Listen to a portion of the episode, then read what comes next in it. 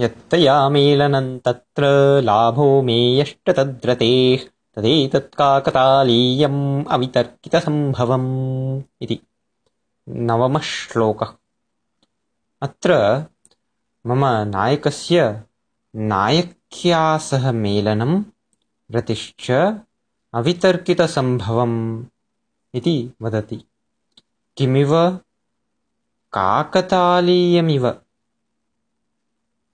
अतः अत्र निश्चयेन उपमेयम् अस्ति उपमानमस्ति किञ्च प्रश्नः अस्ति उपमानम् अस्ति वा तथा उपमावाचकशब्दः अस्ति वा इति। निश्चयेन वयं वक्तुं शक्नुमः। उपमानं तु अत्र साक्षात् न दत्तं यतोहि काकतालीयम् इत्येतत्। न साक्षात् उपमानं सूचयति। यतोहि तत्र काकतालीयम् इत्यस्मिन् पदे ठप्रत्ययो विद्यते। तेन पक्षे वदन्ति सूचिता काचित् कथा इति। अतः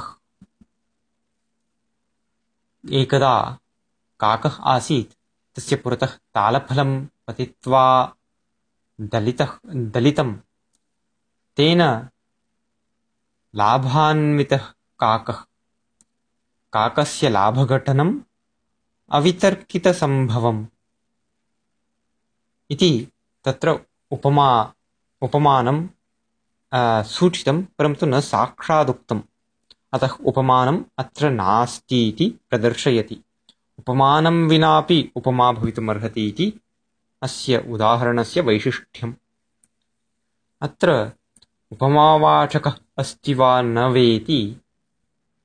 कश्चन मतभेदो विद्यते? केचन वदन्ति ठप् प्रत्यये एव वर्तते उपमावाचकत उपमावाचकत्वम् इति। एवं मयावगतम्